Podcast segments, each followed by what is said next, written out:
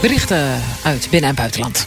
Tientallen mensen met de ziekte ME hebben van het UWV te horen gekregen dat ze fit genoeg zijn om te kunnen werken. Dat schrijft de steungroep ME en arbeidsongeschiktheid in een rapport aan de Tweede Kamer. ME is een chronische ziekte waarbij de meeste patiënten extreem moe zijn en inspanning het alleen maar erger maakt. Zoals Marieke, die kreeg een brief van het UWV waarin ze stond dat ze binnen een jaar wel weer aan het werk kon. Die hebben geen idee wat, wat dit voor een ziekte is. Het lijkt net of ze denken dat het psychisch is en dat je eigenlijk voor je lol op bed gaat liggen omdat je het wel makkelijk vindt en die aandacht krijgt. Maar wie wilde nou als moeder en als vrouw 24-7 op bed liggen?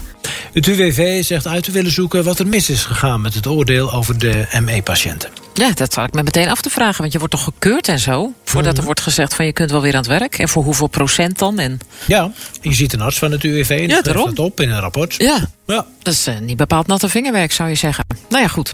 Eh, de stemmen worden officieel nog geteld, maar het ziet er naar uit dat Donald Trump ook de Republikeinse voorverkiezingen in New Hampshire gewonnen heeft. Is geen verrassing, zegt hij zelf. You know, we won New Hampshire three times now. Three. three. We win it every time. We win the primary, we win the generals, we've won it, and it's a very, very special place to me. It's very important. De uitslag is een domper natuurlijk voor eh, Nikki Haley. Zij is nog de enige serieuze tegenstander van Trump binnen de Republikeinse Partij. Toch is ze niet van plan om eh, op te geven. President Joe Biden die twijfelt eh, er intussen niet aan dat Trump namens de Republikeinse Partij zal meedoen aan de presidentsverkiezingen.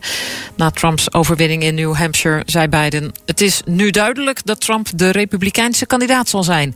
In de webshop van Bidens campagne verschenen ook meteen t-shirts met de opdruk: Samen zullen we Trump verslaan. Nogmaals. Oh, hebben ze mijn maat nog? Het is toch Ik, ik ga het regelen voor hoe, je. hoe snel ze daarmee zijn.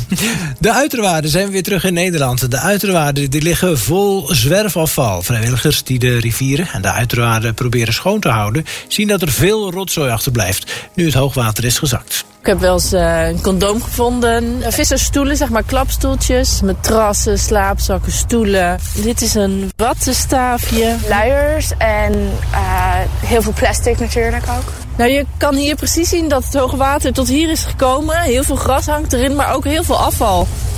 Doe er maar in.